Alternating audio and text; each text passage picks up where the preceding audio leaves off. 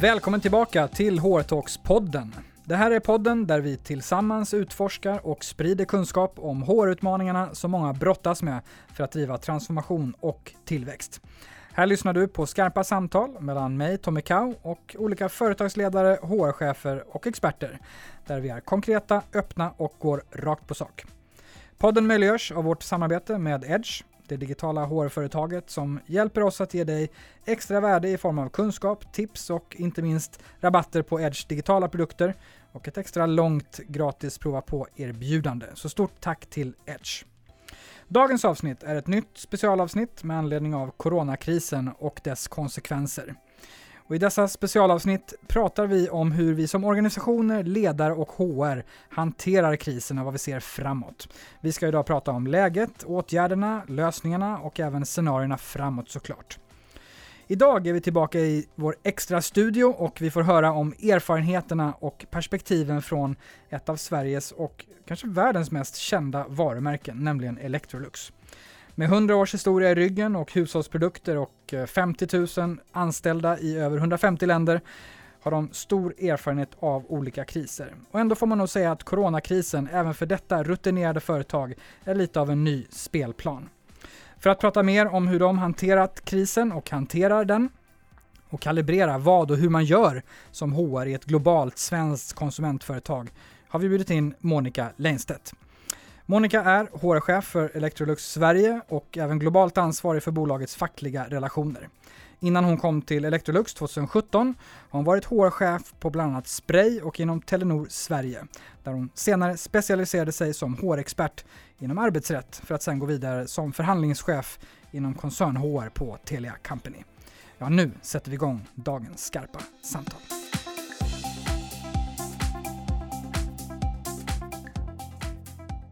Varmt välkommen till detta specialavsnitt av HR-talks-podden, Monica Leinstedt. Tackar, tackar. Känns oerhört kul och eh, givande att ha dig här. Vi ska nörda ner oss i hur eh, Electrolux har hanterat den här krisen och hur du har jobbat. Eh, men man får kanske börja med att fråga ändå hur, hur det känns att sitta här idag och prata om det här. Nej, men det känns bra. Det känns bra att vara här. Jag, har, jag arbetar hemifrån som många andra gör just nu. Jag har faktiskt inte varit på jobbet sedan sportlovet. Jag tillhörde en av dem som var i Italien på sportlov och eh, eh, satt sen i karantän i två veckor. Och efter det så var det egentligen då som allting hände här hemma i Sverige. Så att, eh, men eh, jag kan inte säga att vi arbetar något mindre, utan däremot väldigt mycket mer, eh, men hemifrån. Så det är väldigt kul att vara här och få podda i, i podda, egen person. Ja, ja precis. Och eh, som du vet så går vi den här podden alltid rakt på sak. Eh, och jag är lite nyfiken på nu då. Vad är, upplever du är största utmaningen just nu? Ja, den största utmaningen är ju självklart eh, först och främst det osäkra läget. Det tror jag är så för alla. Att vi inte riktigt vet vad som, vart vi är på väg egentligen, eh, eller hur lång tid det här kommer ta. Mm. Den andra utmaningen är ju att vi faktiskt alla arbetar hemifrån och med allt vad det innebär. Det här med alla våra digitala möten, det är utmanande för ledarskapet. Vi har en arbetsmiljö där man sitter hemma som vi inte har varit med om tidigare. Och som man det, inte kan påverka på samma sätt. Nej, precis. Och vi har ju förstått också att det är väldigt många som arbetar hemifrån nu som upplever arbetsmiljön som ganska svår. Eh, och upplever en viss tristess. Vad är det man tar upp med, med er när man säger att den är svår och det blir tristess? Nej, men bara som ett exempel, hur, eh, hur hanterar man rent ergonomiskt hemma? Det kan ju vara så att man har, bor ganska litet, man behöver sitta i soffan, man kanske, sitter, man kanske arbetar ifrån eh, ja, ett läge som man inte annars, man kanske inte har ett skrivbord eller ett bra bord att sitta vid. Vi har ju hört ganska roliga exempel på folk som tar eh, en strykbräda och, och använder den som höj och sänkbart skrivbord. Nej, men så det är klart att det finns utmaningar. Vi har ju varit väldigt flexibla där och erbjudit att man kan få komma och hämta stol på, på, på kontoret eller från kontoret och ta med hem. Självklart alla ergonomiska arbetsredskap som man behöver eh, får man ju också ta till hemmet. Så att vi har gjort verkligen vad vi kan för att erbjuda en bra arbetsmiljö hemma. Mm. Och jag vill drar mig till minnes faktiskt att ni var väldigt tidiga med att låta folk jobba hemifrån. Jag kommer ihåg att det gjordes en, ett inlägg på Eh, Electrolux globala LinkedIn-sida för nu ganska många veckor sedan. Eh, och eh, i och med att vi alla levde i det där och ungefär samtidigt ställde sig frågan, är det nu alla ska få gå hem eller är det nästa vecka eller imorgon och så vidare. Och sen kanske inte överallt, men Nej men vi var tidiga med det och anledningen till det var ju för att vi fick, vi var ju ganska Ehm, eftersom precis som du har sagt, vi är ett globalt bolag, så såg ju vi när det här hände i Kina och vart ju delaktiga väldigt snabbt. Och också formade en krisgrupp redan i januari. Där vi kanske inte trodde att det skulle... Vi, ingen visste ju vad som skulle hända. Men vi förberedde oss ganska tidigt och vidtog en, ganska många åtgärder i ett tidigt skede. Eh, och då var ju just planering för det som vi kallar för smart working eh, from home. Eh, där vi också testade under en dag innan vi sen införde det här som vi kallade för en mera en soft closure of the office. Vi har ju inte stängt vårt kontor helt. Däremot så har vi ju av våra 1500 medarbetare som brukar vara på kontoret dagligen så har vi nu ungefär mellan ja, runt 80 mm. som är där, som har kritiska funktioner. Då. Så ni, ni gjorde en, en, en, skarp övning kan man säga? Vi gjorde en skarp övning eh, som fungerade väldigt bra. Där vi egentligen var ju det för att rent IT-mässigt också, vi ville se att det faktiskt funkar. Precis, vi ville trycktesta och det funkade väldigt bra. Mm. Jag vill backa, vi kommer komma in på det här, men jag vill backa mm. lite bara så att man kanske som lyssnare förstår din roll också. Jag, jag beskriver dig som HR-chef eh, för Electrolux Sverige. Hur många anställda är ni i, i Sverige? In? På, ja, man får väl säga att det är mer för huvudkontoret och på huvudkontoret så är vi 1500. Men vi är indelade i olika business areas. Så att det, det, men, men det svenska huvudkontoret består av ja, 1400-1500 medarbetare. Just det. Och sen så är du globalt ansvarig för hela fackliga relationer. Bara hur, så man förstår den rollen i den här kontexten, eller din roll och, och hur du har jobbat i den här krisen. Eh, mm. Hur, vad kan du säga om det? Men framför, framförallt så är jag ansvarig för eh, de fackliga relationerna på lokal nivå. Alltså den, den, den chef för Sverige. Sen är jag bolagets eh, ansvarig för det som kallas för EWC, som står för European Works Council där vi har under den här krisen då haft eh, löpande avstämningar eh, då den har påverkat eh, Europa eh, mm. väldigt hårt. Sen är också eskaleringsmångt för de fackliga relationerna globalt. Men mycket, eller det mesta, ska ju skötas på lokal nivå eh, gällande förhandlingsfrågor. Just det. Och hur blev du involverad i, i, i den här liksom krisupptaktningen? Så att säga? Ni startade en krisgrupp redan i januari. Var kom du in någonstans i, i allt det här? Nej, men den första krisgruppen, det var en global krisgrupp och den var, precis som du sa, i januari. Och då satte man ihop egentligen någon från varje eh, avdelning. Så vi hade en från säkerhet eh, och, och, ett par stycken från HR. Och jag kom väl in mera i den delen för att titta på eh, the people perspektiv och vara ett bollplank där. Men då var ju frågorna mer eh, kopplade kring hur hur kan vi föra ut budskap som med, med gällande hur man tvättar händer, hur ska vi, kan vi få tag på ansiktsmasker, eh, hur ska vi införa resestopp från Kina, hur gör vi om det skulle komma hit, kan vi testa personer som kommer ifrån Kina redan nu, om man är orolig, ska man stanna hemma? Det var mera sådana frågor som var i början, mm. som vi fick hantera. Och sen när det då närmade sig så upprättade vi ganska snabbt en krisgrupp på då lokal nivå. Så var det en specifik krisgrupp för, för Sverige. Mm. Men om man som lyssnare inte kanske helt har grepp om, om Electrolux och, och, och, förstår alla delar hur ni påverkas av den här krisen. Vad, ge en liten bild av hur, hur den här krisen de facto har påverkat och påverkar Electrolux. De vilka dimensioner. Vi var ju påverkade av utbrottet i Kina nästan direkt då. Och det är ju för att vi har eh, väldigt många underleverantörer till hela världen där, så det är där man tillverkar våra komponenter. Plus att vi har en egen fabrik eh, som vi fick stänga, men den har vi öppnat nu igen. Och under den första tiden då, så eh, var det ju så att vi, vi införde tidiga reserestriktioner till och från länder i Asien. Och tack vare det då så såg vi också, vi lärde oss väldigt mycket som vi sen kunde applicera både eh, i Sverige och andra länder. Då. Men vad det här har lett till är ju Alltså det är en kedja. Om man mm. tillverkar komponenter i Kina som underleverantörer som sen ska levereras. Sen kommer hela krisen till Europa. Där har vi ju, precis som alla vet, de flesta fabriker är ju stängda runt om i Europa. Jag tror att vi, det är ett fåtal fabriker som fortfarande är öppna. Jag vet att det finns en i Ungern som är fortfarande mm. öppen. Mm. Man har stängt gränser. Vi kan inte flytta våra varor mellan länderna. Eh, och, och ni har dessutom eh, ganska stor verksamhet i Italien som är exceptionellt hårt drabbat. Absolut, ja. absolut det har vi. Och det har ju varit eh, väldigt besvärligt mm. förstås när vi har fått stänga fabrikerna där. Men det är också så att det är ju inte bara fabrikerna som har fått stänga utan det är även butikerna som håller stängt så man kan ju inte eh, sälja produkter eh, i de flesta länder. Så det finns ju undantag där också, mm. bland annat då Sverige och, och Nederländerna tror jag också eh, fortfarande är öppet. Men, men eh, det, det, har ju, alltså det finns ju en kedja. Alltså störningar i hela den kedjan. Att vare sig komponenter eller faktiska färdigassemblade mm. varor kan mm. förflytta sig så fritt som man har kunnat göra tidigare. Mm. Eh, och nu ser vi också hur krisen påverkar Nordamerika och Latinamerika. Ja, just det, precis.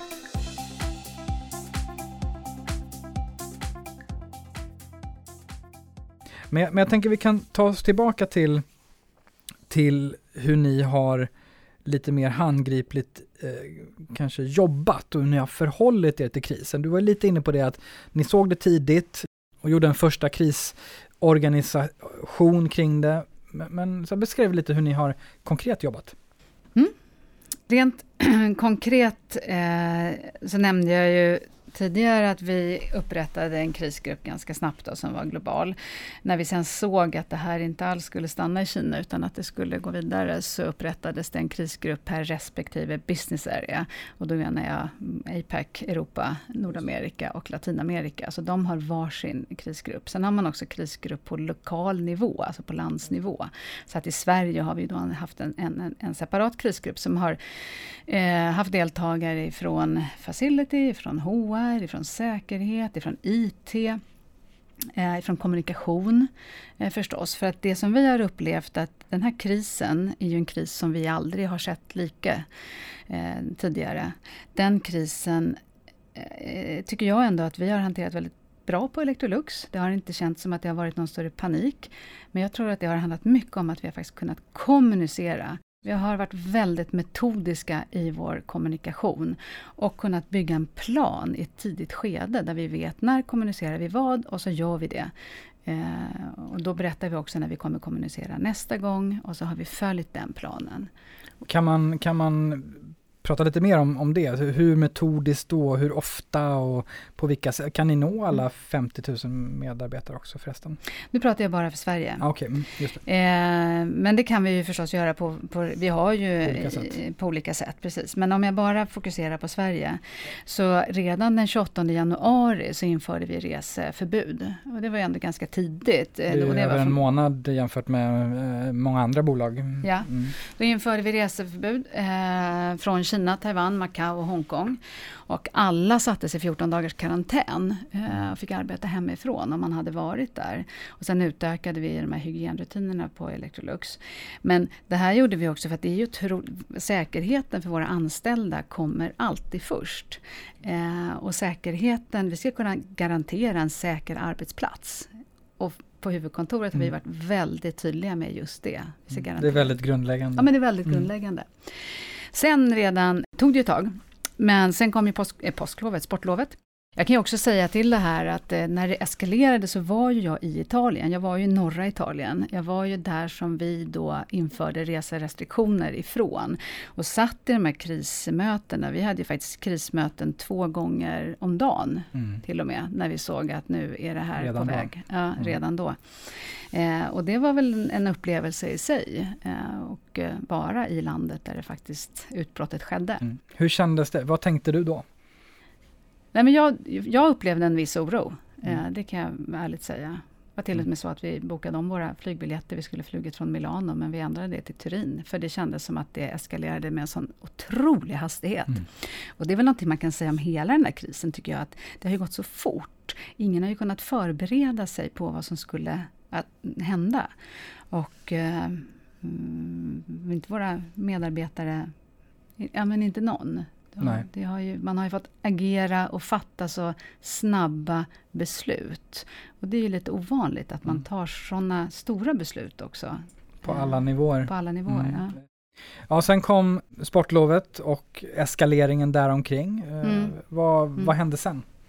Nej men sen var det ju mycket skarpare läge när vi förstod att det faktiskt eh, var här. Och då var ju folk också ganska oroliga. Så då, och det ska man ju inte underskatta heller. Oron framkallar ju olika sidor utav ledarskap. Och eh, vissa behöver veta saker i detaljnivå och vissa tar det väldigt mycket övergripande. Och Eh, det har väl varit någonting som jag tror att jag tar med mig. Att man måste kommunicera på ett sätt så att det passar eh, alla. Ehm, vi, har, ehm, vi fick ju väldigt mycket detaljfrågor om liksom vad som händer. Hur kan vi eh, testa folk och hur kan vi se till att folk kommer till kontoret och man inte smittar och sådär. Men det kunde man ju inte göra. Sen, men vad vi gjorde i alla fall var att vi eh, under en ganska snabb period införde väldigt många restriktioner eh, som handlade om både då resor till och från Italien. Eh, vi skärpte reglerna för karantän, att man behövde sitta i karantän. Vi hade, eh, tog in extra personal till receptionen där man ställde frågor, var man hade varit, om man kände någon som hade varit, om man var någon som var sjuk. Och då så fick man faktiskt inte komma in. Nej. Man fick förlägga, det är klart att man kunde ha möten, men då fick man förlägga dem utanför kontoret för att vi skulle ju skapa en säker arbetsplats. Sen eh, begränsade vi större möten i huset. Så vi, vi tog bort alla inplanerade möten eh, egentligen som var större än, än 50 personer. Och sen drog vi ner det ganska snabbt också så att man Mm. fick inte ha stora möten överhuvudtaget. Vi placerade väldigt mycket mera handtvätt och affischer. Och tänk också på att på Electrolux huvudkontor så har vi 67 olika nationaliteter. Eh, så att eh, det handlar verkligen om att nå ut till alla. Och eh, oron för medarbetare som kanske är lite yngre, de är borta hemifrån. Det är också en annan typ av oro. Man kan oroa sig för sina familjer på, Mm. i ett annat land. Eh, så det har varit många olika frågeställningar för oss att, att, att ta med. Vad vi har gjort mer var ju då att vi eh, till slut liksom införde ju totalt resestopp. Eh, sen införde vi totalt anställningsstopp. Okej, och sen så, totala stoppet kom eh, en efter en. Ja. ja, och sen också har vi sett över konsulter. Och sen i slutändan så har ju hela det här lett till att vi, även vi har ju eh, korttidspermitterat eh, cirka 70 procent av våra anställda Mm. Ja, I Sverige. i Sverige. Mm, just det. Jag tänker tillbaka lite till din roll och liksom hela den här processen som ju många är igenom nu med permitteringar, det är varsel, det är olika anpassningar. Du nämnde ju inledningsvis att det här sköts ju i praktiken väldigt lokalt, men jag tänker ändå om man med liksom eh, dina glasögon ut i, i världen bland kollegorna kan se om det här har hanterats väldigt olika runt om i olika delar av världen. Nej, men vi har en väldigt tajt eh, HR-grupp eh, med de HR-cheferna för respektive eh, affärsområde. Eh, så HR-chefen för Europa och HR-chefen för APAC, Nordamerika, Latinamerika. Vi har ju också sett, mm, eller hörts framförallt av digitala möten, eh, mycket mer frekvent än tidigare. Mm. Där vi har säkerställt att man så, så mycket som det går eh, fattar ungefär samma sorts beslut. Jag tänker du var inne på det här med hur ni har jobbat med, eh, med eh, eh, kommunikationen som ju alla i det här läget kommer tillbaka till. Vad finns det för tips och tricks och lärdomar kring den kommunikationen som, som ni uppenbarligen har varit väldigt duktiga på som man kan liksom förmedla till de som lyssnar? De som lyssnar sitter ju i alla möjliga typer av förutsättningar. Mm. Och då talar jag om Sverige. Och eh, de viktigaste lärdomarna det är väl just det här att alltså, ta ner det på en nivå som eh, alltså, kommunicera hellre att man inte vet än, än att vänta med kommunikationen. Ja. Och vi har varit duktiga på att göra det. Vi har, det har ju kommit, framförallt rent arbetsrättsligt så vet ju alla, det har ju kommit nya regler hela, tiden. tiden. Man behövde läsa in sig på dem, man behövde förstå dem för att sen kunna kommunicera. Och då har vi också kommunicerat att låt oss göra det, så kommunicerar vi om två dagar eller om en dag. Eh, så tydlighet i kommunikationen, att kommunicera eh, är ju som vi alla vet det absolut viktigaste. Vi har använt många olika eh, kanaler på ett väldigt koordinerat sätt sätt. Vi har haft videokonferenser med både chefer och anställda. Vi har skickat e-mail till alla. Vi har varit duktiga med att vi har haft webinars för ledare först för att berätta om en förändring eh, med uppföljande mail. Och sen efter det så har vi givit dem en dag att kunna prata med sina medarbetare om så behövs. Och sen har vi haft webbinar och skickat mail till alla, alla våra medarbetare. Och nu pratar jag om Sverige. I Sverige har vi nästan 400 ledare och 1500 medarbetare. Så det är en stor, en, vi har en stor ledargrupp mm. som ofta också är olika nationaliteter. Eh, så att man behöver också, för, också förstå vad som den svenska Eh, Exakt, för nu är man ju då mm. anställd eller har, precis, mm. faller under den svenska flaggen. Mm. Mm. Men transparens, och det är väl också gällande de fackliga, alltså om, om man tittar på eh, kommunikationen till våra fackliga. Det har varit otroligt viktigt, om jag bara får komma in på mm. det. För att särskilt i en krissituation, eh, när det, allting händer så fort, så Alltså, fackens medlemmar är ju våra medarbetare och i en krissituation behöver man kommunicera samma mm. sak. Det går inte att vi kommunicerar två olika spår. Och det har väl varit den viktigaste som vi tog med oss då gällande den fackliga. Vi har varit väldigt transparenta. Vi har mm. haft eh, många eh, möten tillsammans mm. där vi också har diskuterat kommunikation.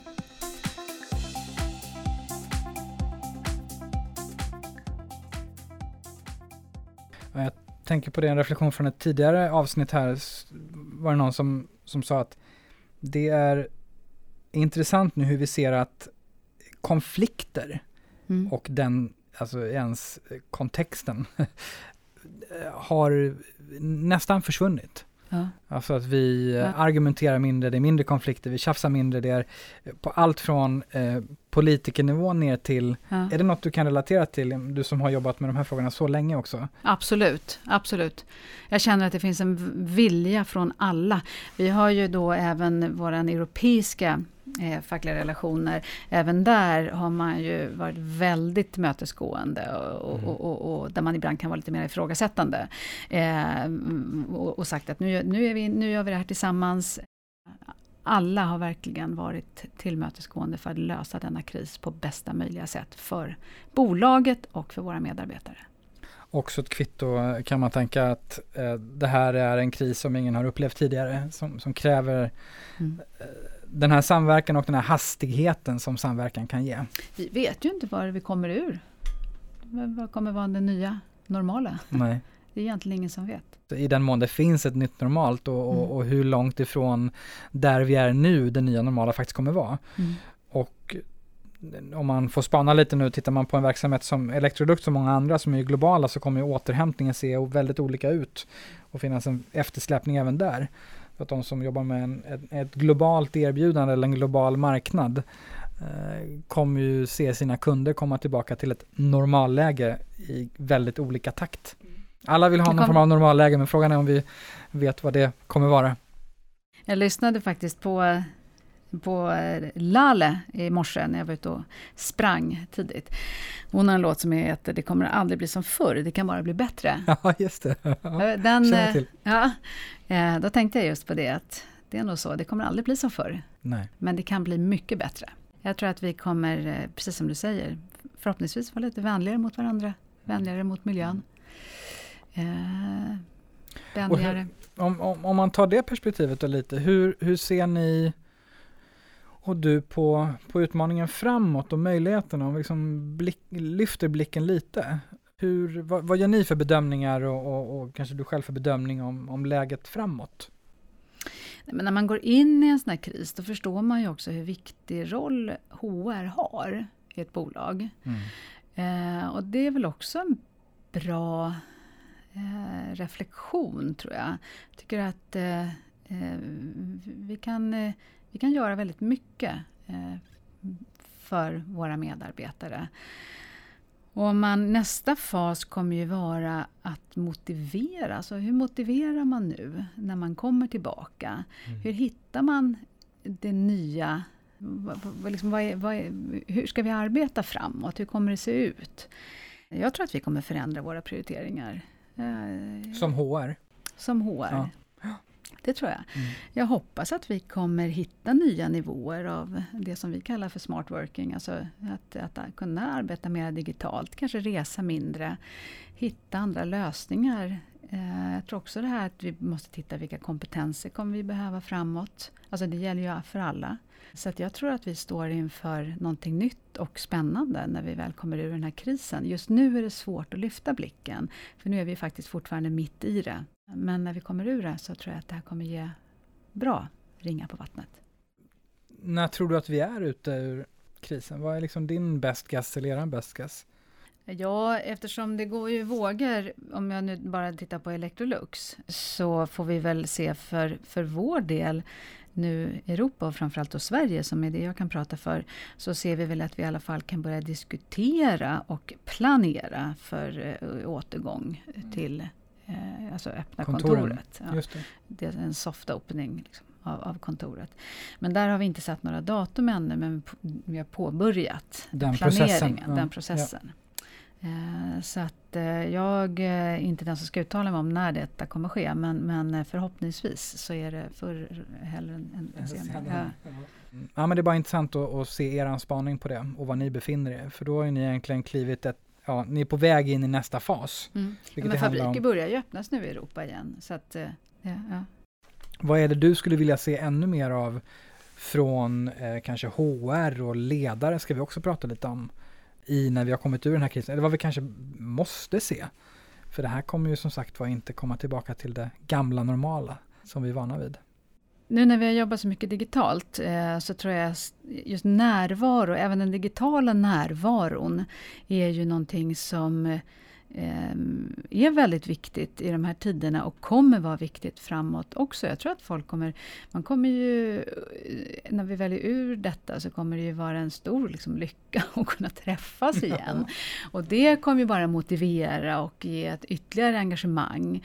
Eh, om man då också har fått en bra hantering i en krissituation utav sin arbetsgivare så tror jag att också lojaliteten kan stärkas. Eh, och att vi kan tillsammans hitta nya arbetssätt som, som jag tror vi kommer bli smartare. Jag tror faktiskt det.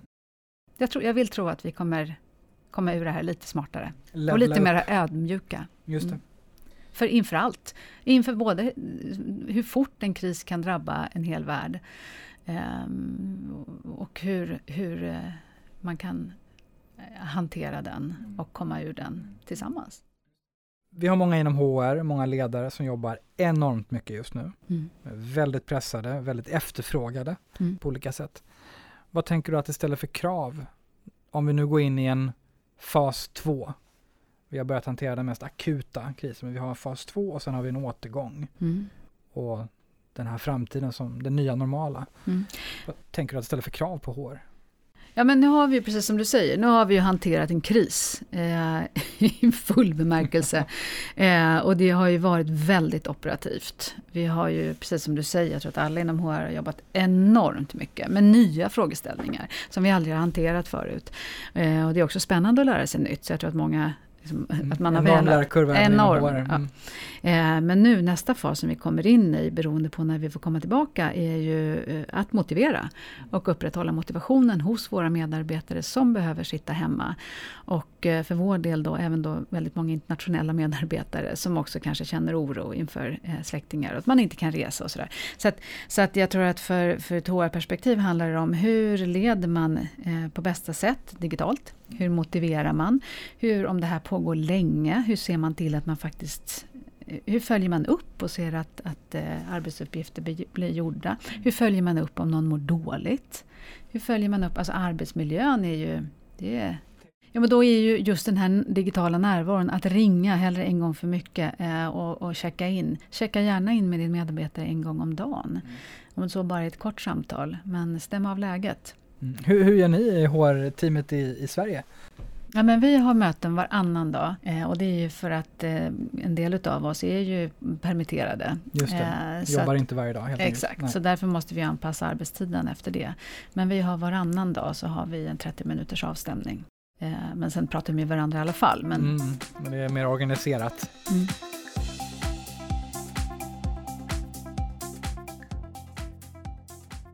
Många kommer ju tillbaka nu till det vi var inne på, att det finns en risk att folk sitter hemma, eh, lite lägre engagemang, man får inte träffa sina kollegor, det blir inte samma energi, några mår kanske till och med lite dåligt, eller mycket dåligt.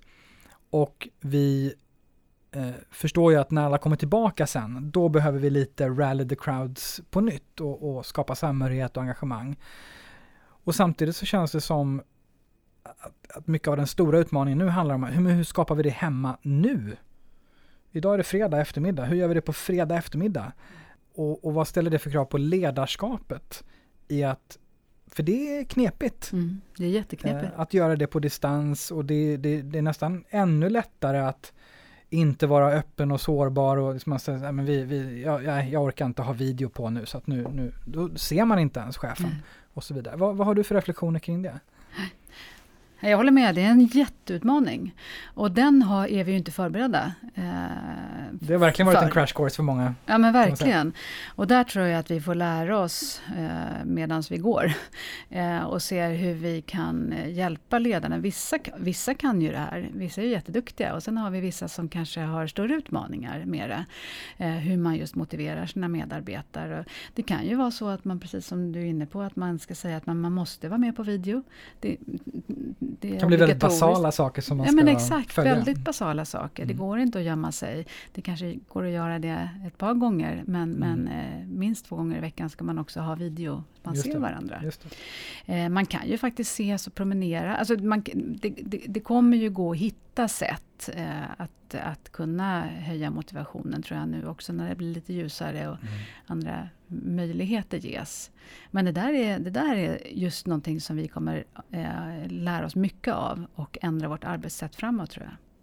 Och det man hoppas på är också, tänker jag, i en organisation som eran då, som är lite större, att man, man kommer kanske identifiera några av de där som varit ganska duktiga på det där och se hur kan vi få ut det där, apropå HR och training och ledarskap och så vidare. Att det mm. där är något som, det för vi tror att vi kommer inte gå tillbaka och vara på kontoret 100% Exakt, sen det, nej, det tror jag att vi kommer verkligen eh, ändra vårt arbetssätt. Jag tror att hela det här året och säkert efter det också så kommer vi jobba mycket mer hemifrån. Ja. Eh, och det kommer vi också uppmuntra eh, under en lång tid framöver. Mm. Men det där du är inne på, det tror jag kommer vara en ny kompetens. digital digital learning. Ja, just det. Digitalt engagemang. Ja, ja, just det. Nej, men verkligen. Och det är bra. Jag tycker också att vi förhoppningsvis så kanske vi är rädda om naturen och reser lite mindre och har digitala möten. Det funkar ju, det går mm. ju faktiskt att ha Exakt. det. Mm. Ja, det till mångas förvåning. Ja, ja. Sen ska man säga Sen att ska ni... man inte underskatta det fysiska mötet, eh, för det tycker jag är, är väldigt bra, att just kunna läsa ansiktsuttryck och, och, det tycker jag att man saknar när man själv sitter i de här eh, digitala mötena hela tiden. Inte kunna liksom, se på folk och hur de reagerar när man säger vissa saker. Nej men exakt. Jag, jag kan dra en, en, en personlig parallell och det är att jag jobbar mycket som också moderator och, mm. och sitter inte bara så här one-on-one on one. och den är lite svårare när man eh, sitter över skärm och har ett par stycken för då, då, då, ser man inte allas ögon samtidigt och vem som är på väg och ska säga någonting och ja, så kan det vara i ett vanligt ja. möte också. Ja. Eller det, det, det kan vara lite svårt, för det har jag reflekterat över att många som kanske inte har eh, som inte Nej, men alla är olika eh, och just eh, de, de medarbetarna som kanske inte gör sin röst hörd även i ett fysiskt möte, det blir ännu svårare för dem i ett digitalt möte. När man, då måste man vara duktig som ledare tror jag och alltid ställa frågan eh, har, Anna, har du någonting att säga? Har du någonting att säga? Så att man känner sig sedd även om man bara är med på, på, på tele, även om man har telefonmöte. Så det som är bra ledarskap blir i ett vanligt möte, eller den vanliga världen som vi är vana vid, det blir ännu viktigare att, att verkligen vara precis, precis i att följa de principerna, vilket är ännu tydligare, ännu hårdare. Ja, och just det om man har kallat in, nu säger jag inte att man ska göra det här när man är väldigt många, men att man ser på deltagarlistan eh, vilka som är med på mötet och då kan man också säga hej med namn eh, istället för att bara säga hej allihopa. Det är ju sådana små saker som gör att man inkluderar, som jag tror är eh, väldigt viktigt nu. Man känner sig sedd fast man inte ses. Det här som du är inne på kommer att bli en helt ny kompetens och vi kommer ha eh, kompetensutvecklingsprogram och checklister och tips mm. och så vidare. Det cirkulerar redan en hel del mm. av, av det eh, nu. Men låt oss gå tillbaka till att prata lite mer om krishantering. Det är, det är tydligt att eh, ett bolag som Electrolux har gjort det här eh, väl, var tidiga på pucken och skalat upp det på olika sätt. Och det kan man som lyssnare ta med sig mycket från. Sen tänker jag ändå att vi har haft kriser i sedan urminnes tider och att det här ändå är en helt ny typ av kris. Kan vi reflektera lite kring det och hur man kan, vad som har varit kanske de nya lärdomarna från den här krisen, att lägga till alla erfarenheter sedan tidigare?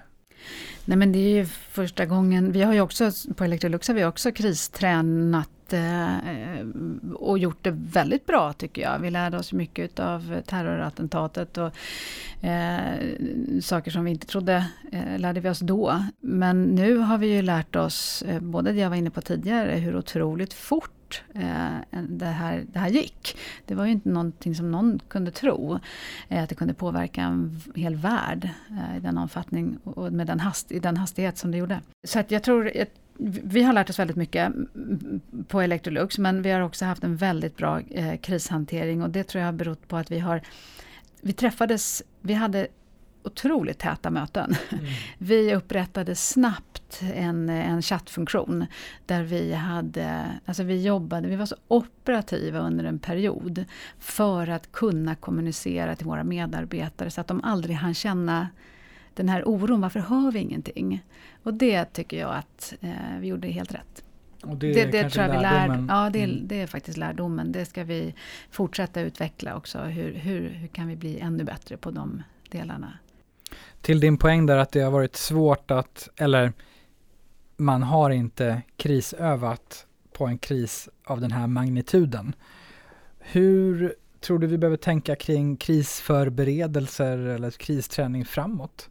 Ja, säg det. Hoppas att det inte kan bli värre. Ja, men nu vet vi i alla fall hur man gör när man stänger ett kontor och jobbar hemifrån och stänger ner allt eh, på ett kontor egentligen. Våra träningsmöjligheter och restaurangen har ju också drabbats jättehårt. Så att det, det, vi kommer nog, eh, så som alla andra bolag, dra många lärdomar och ändra även våran kristräning eh, eh framåt.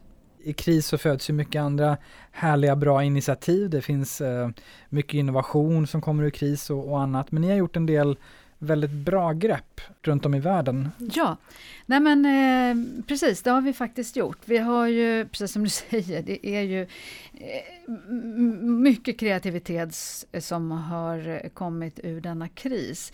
Bland annat så, vi har ett stort antal medarbetare som har gjort lokala initiativ eh, för att hjälpa till. Och, bara som ett exempel så i Brasilien, i Curitiba, där vi har en, en där vi har verksamhet, så har de anställda hjälpt till att sy ansiktsmasker som de sedan har gett till eh, sjukhus för användning.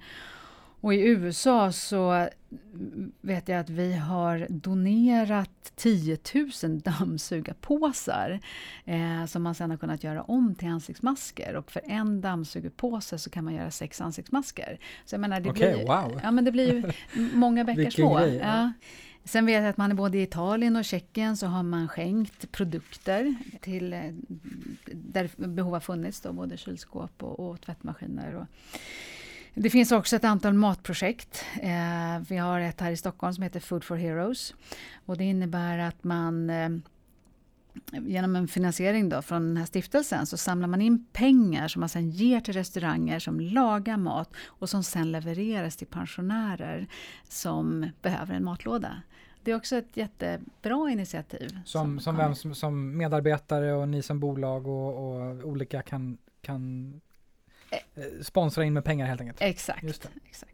Eh, och sen har vi då ett globalt samarbete med Röda Korset där vi ger pengar samt expertkunskap. Då. Eh, och det kan vara i mathantering eller också hur man hanterar, hur man kan återanvända kläder. Så det, och det här är bara ett axplock, men det är väldigt många bra initiativ som har kommit ur den här krisen också. Mm, och den här typen av samverkan, det är den ja. man också vill se ska fortsätta leva. Och där har vi verkligen också fått mycket övning på nu. Ja. Som inte bara har varit inom ramen för Corporate Social Responsibility-program och satsningar och så vidare, utan det har varit eh, helt ute i linjen, uh, ut i produktion, där har initiativ tagits. Mm. Vilket är superhäftigt. Mm. Jag vet att vi också kunnat hjälpa till med eh, De behövde tydligen någonting de kunde sprita fötterna med. Vi, eh, Electrolux huvudkontor ligger precis bredvid Sankt Görans sjukhus. Och de kontaktade oss och behövde eh, Då använde vi de här skydden som sitter under eh, kylskåp. Ja, de fick sådana för att kunna eh, fylla med sprit och sen så ställa fötterna i när de behövde sprita av dem. Jag menar det är där, små ja. initiativ men, men eh, fantastiskt bra. Och sådana detaljer som man inte tänker på. Nej, precis. Men ja, det har kommit mycket härliga ja. eh, initiativ. Jag vill tacka vår samarbetspartner, digitala HR-företaget Edge.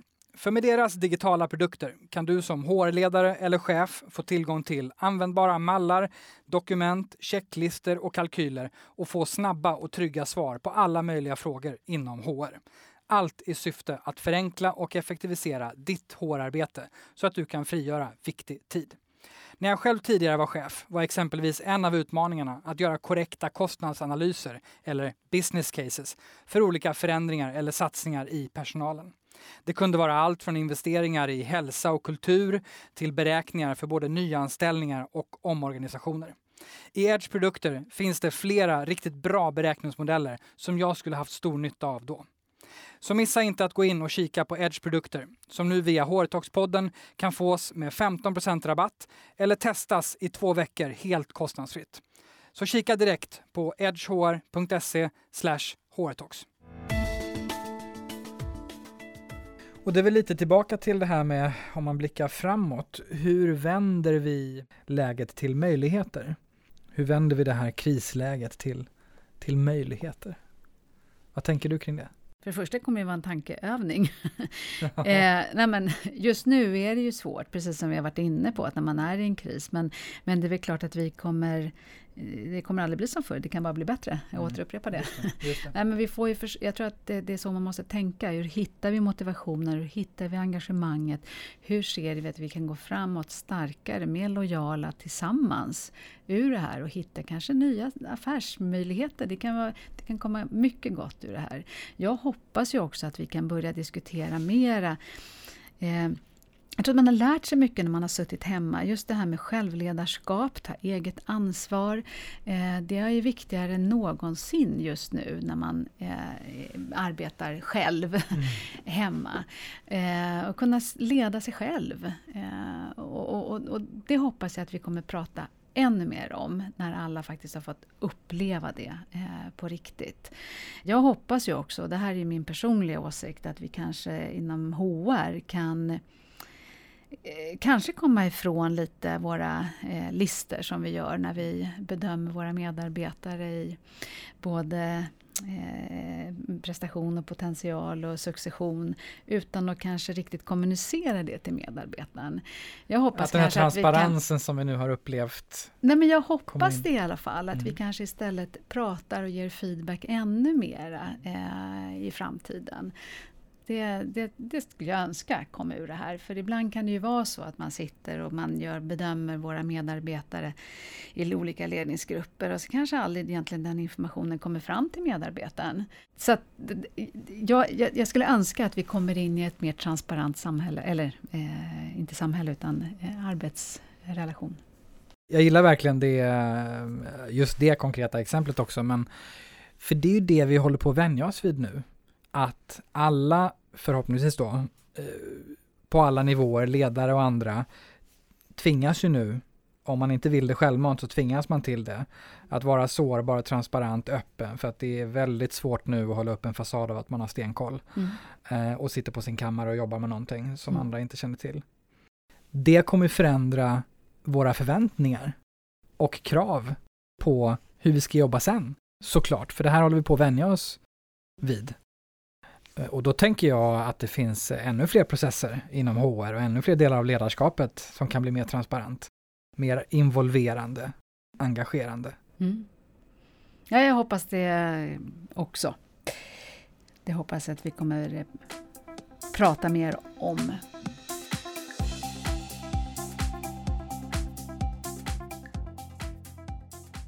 Hur ser ert arbete för läget framåt ut? Nej men för det är väl en superreflektion. Hur, hur saker som har framstått som så viktiga helt plötsligt inte är viktiga alls. Det, alltså, ja, utveckla.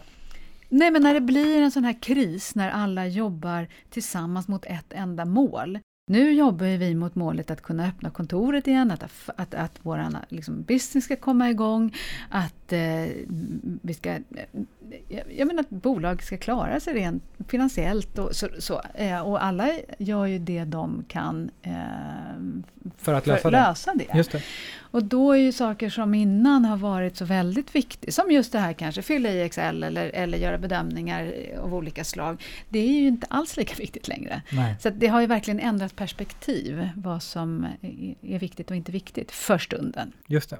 Jag har fått två reflektioner när du tar upp det där som ett jätteviktigt och intressant perspektiv. Det ena, den ena reflektionen är ju, jaha, alla de här sakerna som var väldigt viktiga, är de inte viktiga längre? Exakt. Och där har vi, där har vi helt andra frågor som hållbarhet, klimatet. Mm. Eh, det är en reflektion. Och det andra är såklart, wow, vilken förmåga vi har. Att samverka, samarbeta, fokusera på ett problem och lösa det. Låt oss för guds skull ta med den förmågan mm. in i, för sen är ju listan ganska lång på grejer vi skulle vilja åtgärda eh, när vi är över med det här. Så att man kan också tänka sig att det här är det nya normala. Mm. Ja. Jag tycker det är jätte, jättespännande och jätteintressant och det kommer vara en, en spännande framtid som vi går till mötes. Eh, jag vill också säga det här med eh, social distansering, som, som det tror jag kommer fortsätta. Jag tycker inte att det ska heta social distansering, jag tycker det ska heta fysisk distansering. Det, för, för det sociala eh, är ju faktiskt det vi inte ska distansera oss ifrån. Tvärtom. Det är tvärtom, även om det är på ett annat sätt. Men den fysiska distanseringen, den kommer vi nog få leva med ett tag och då måste vi också titta på hur ska ytorna se ut på kontoret, hur kommer det se ut i träningslokalerna, hur kommer det se ut i restaurang, alltså det måste vi ta med oss. Det tror jag inte kommer försvinna, Nej. bara för att man kommer tillbaka till kontoret. Vi ska börja runda av och knyta ihop säcken lite grann. Men om vi ska skicka med lite sista budskap till, till de som lyssnar? Det viktigaste är väl att man... Alla kan ju göra någonting. Eh, och det handlar väldigt mycket om vad kan, vad kan jag göra i den här situationen, även om jag sitter hemma och arbetar? Hur kan, hur, hur, hur kan jag leda mig själv? För det kommer till syvende och sist landa hos dig själv. Eh, vi kommer lära oss dra många lärdomar ur den här krisen. Men eh, framförallt till alla som jobbar med HR. Eh, alla hanterar den här oron på olika sätt. Var tydlig, kommunicera, var transparent. Om man inte vet eller kan svara, säg då det. Eh, lämna inga negativa besked på en fredag. eh, och var närvarande. Var, när, var så närvarande som det går, även om det inte är fysiskt. Det tror jag är det viktigaste. Det kommer, vi kommer komma ur det här. Det, vi kommer bli starkare och lära oss nya saker, nya kompetenser. Så jag har, och jag tror att vi kommer, vi kommer komma ut lite vänligare och smartare. Jag tror vi kommer bli smartare. Ja, men det är ingen dålig vinst eh, på, på baksidan av allt det negativa. Och även då eh, till alla HR som, som lyssnar. Vi, eh, som jag också nämnde tidigare, min HR är enormt viktig funktion i det här. Enormt viktig. Vi har en viktig roll i bolaget för att hantera alla, väldigt mycket, men framför allt kriser. Så ni är otroligt viktiga i det här arbetet.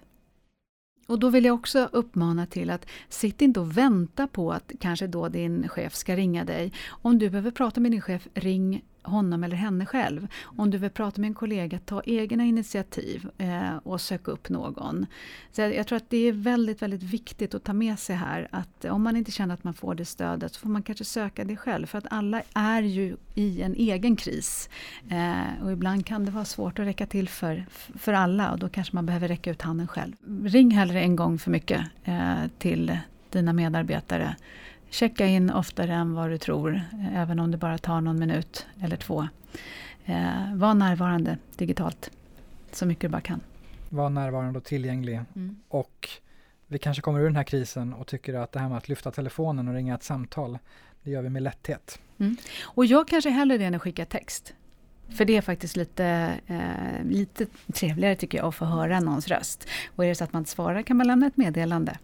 Eh, det är lite mer personligt än det här textmeddelandet tycker jag. Och det visar kanske lite på en nivå till på hur mycket man anstränger sig. En ja. reflektion bara. Ja. Där hör ni, stort tack Monica Leinstedt för att du tog dig tid till att vara med oss i detta specialavsnitt om corona och stort lycka till i det fortsatta arbetet. Tusen tack för att jag fick vara med. Ja, det var ännu ett skarpt samtal i Hårtalks-podden och ett extra viktigt sådant. Sprid gärna det här avsnittet till dina chefs och hårkollegor, både internt och i nätverket. Ja, till de som du tror kan ha nytta av det helt enkelt. Gillar du podden kan du prenumerera på den i Apple Podcast eller Spotify. Följ oss mer än gärna på Hårtalks-podden på Instagram och LinkedIn och anmäl dig gärna till Hårtalks-poddens nyhetsbrev så får du varje vecka det senaste avsnittet, extra material, tips och lite erbjudanden. Jag vill även tacka vår samarbetspartner, digitala hårföretaget Edge, som är med och möjliggör att vi kan utforska och sprida kunskap via den här podden varje vecka. Kolla gärna in deras erbjudande på edgehr.se hårtalks. Hårtalkspodden ges ut av Kao Company, produceras av Mediemera och du hittar som vanligt all info på hårtalks.se. Till nästa gång, ha det bra nu och ta hand om er.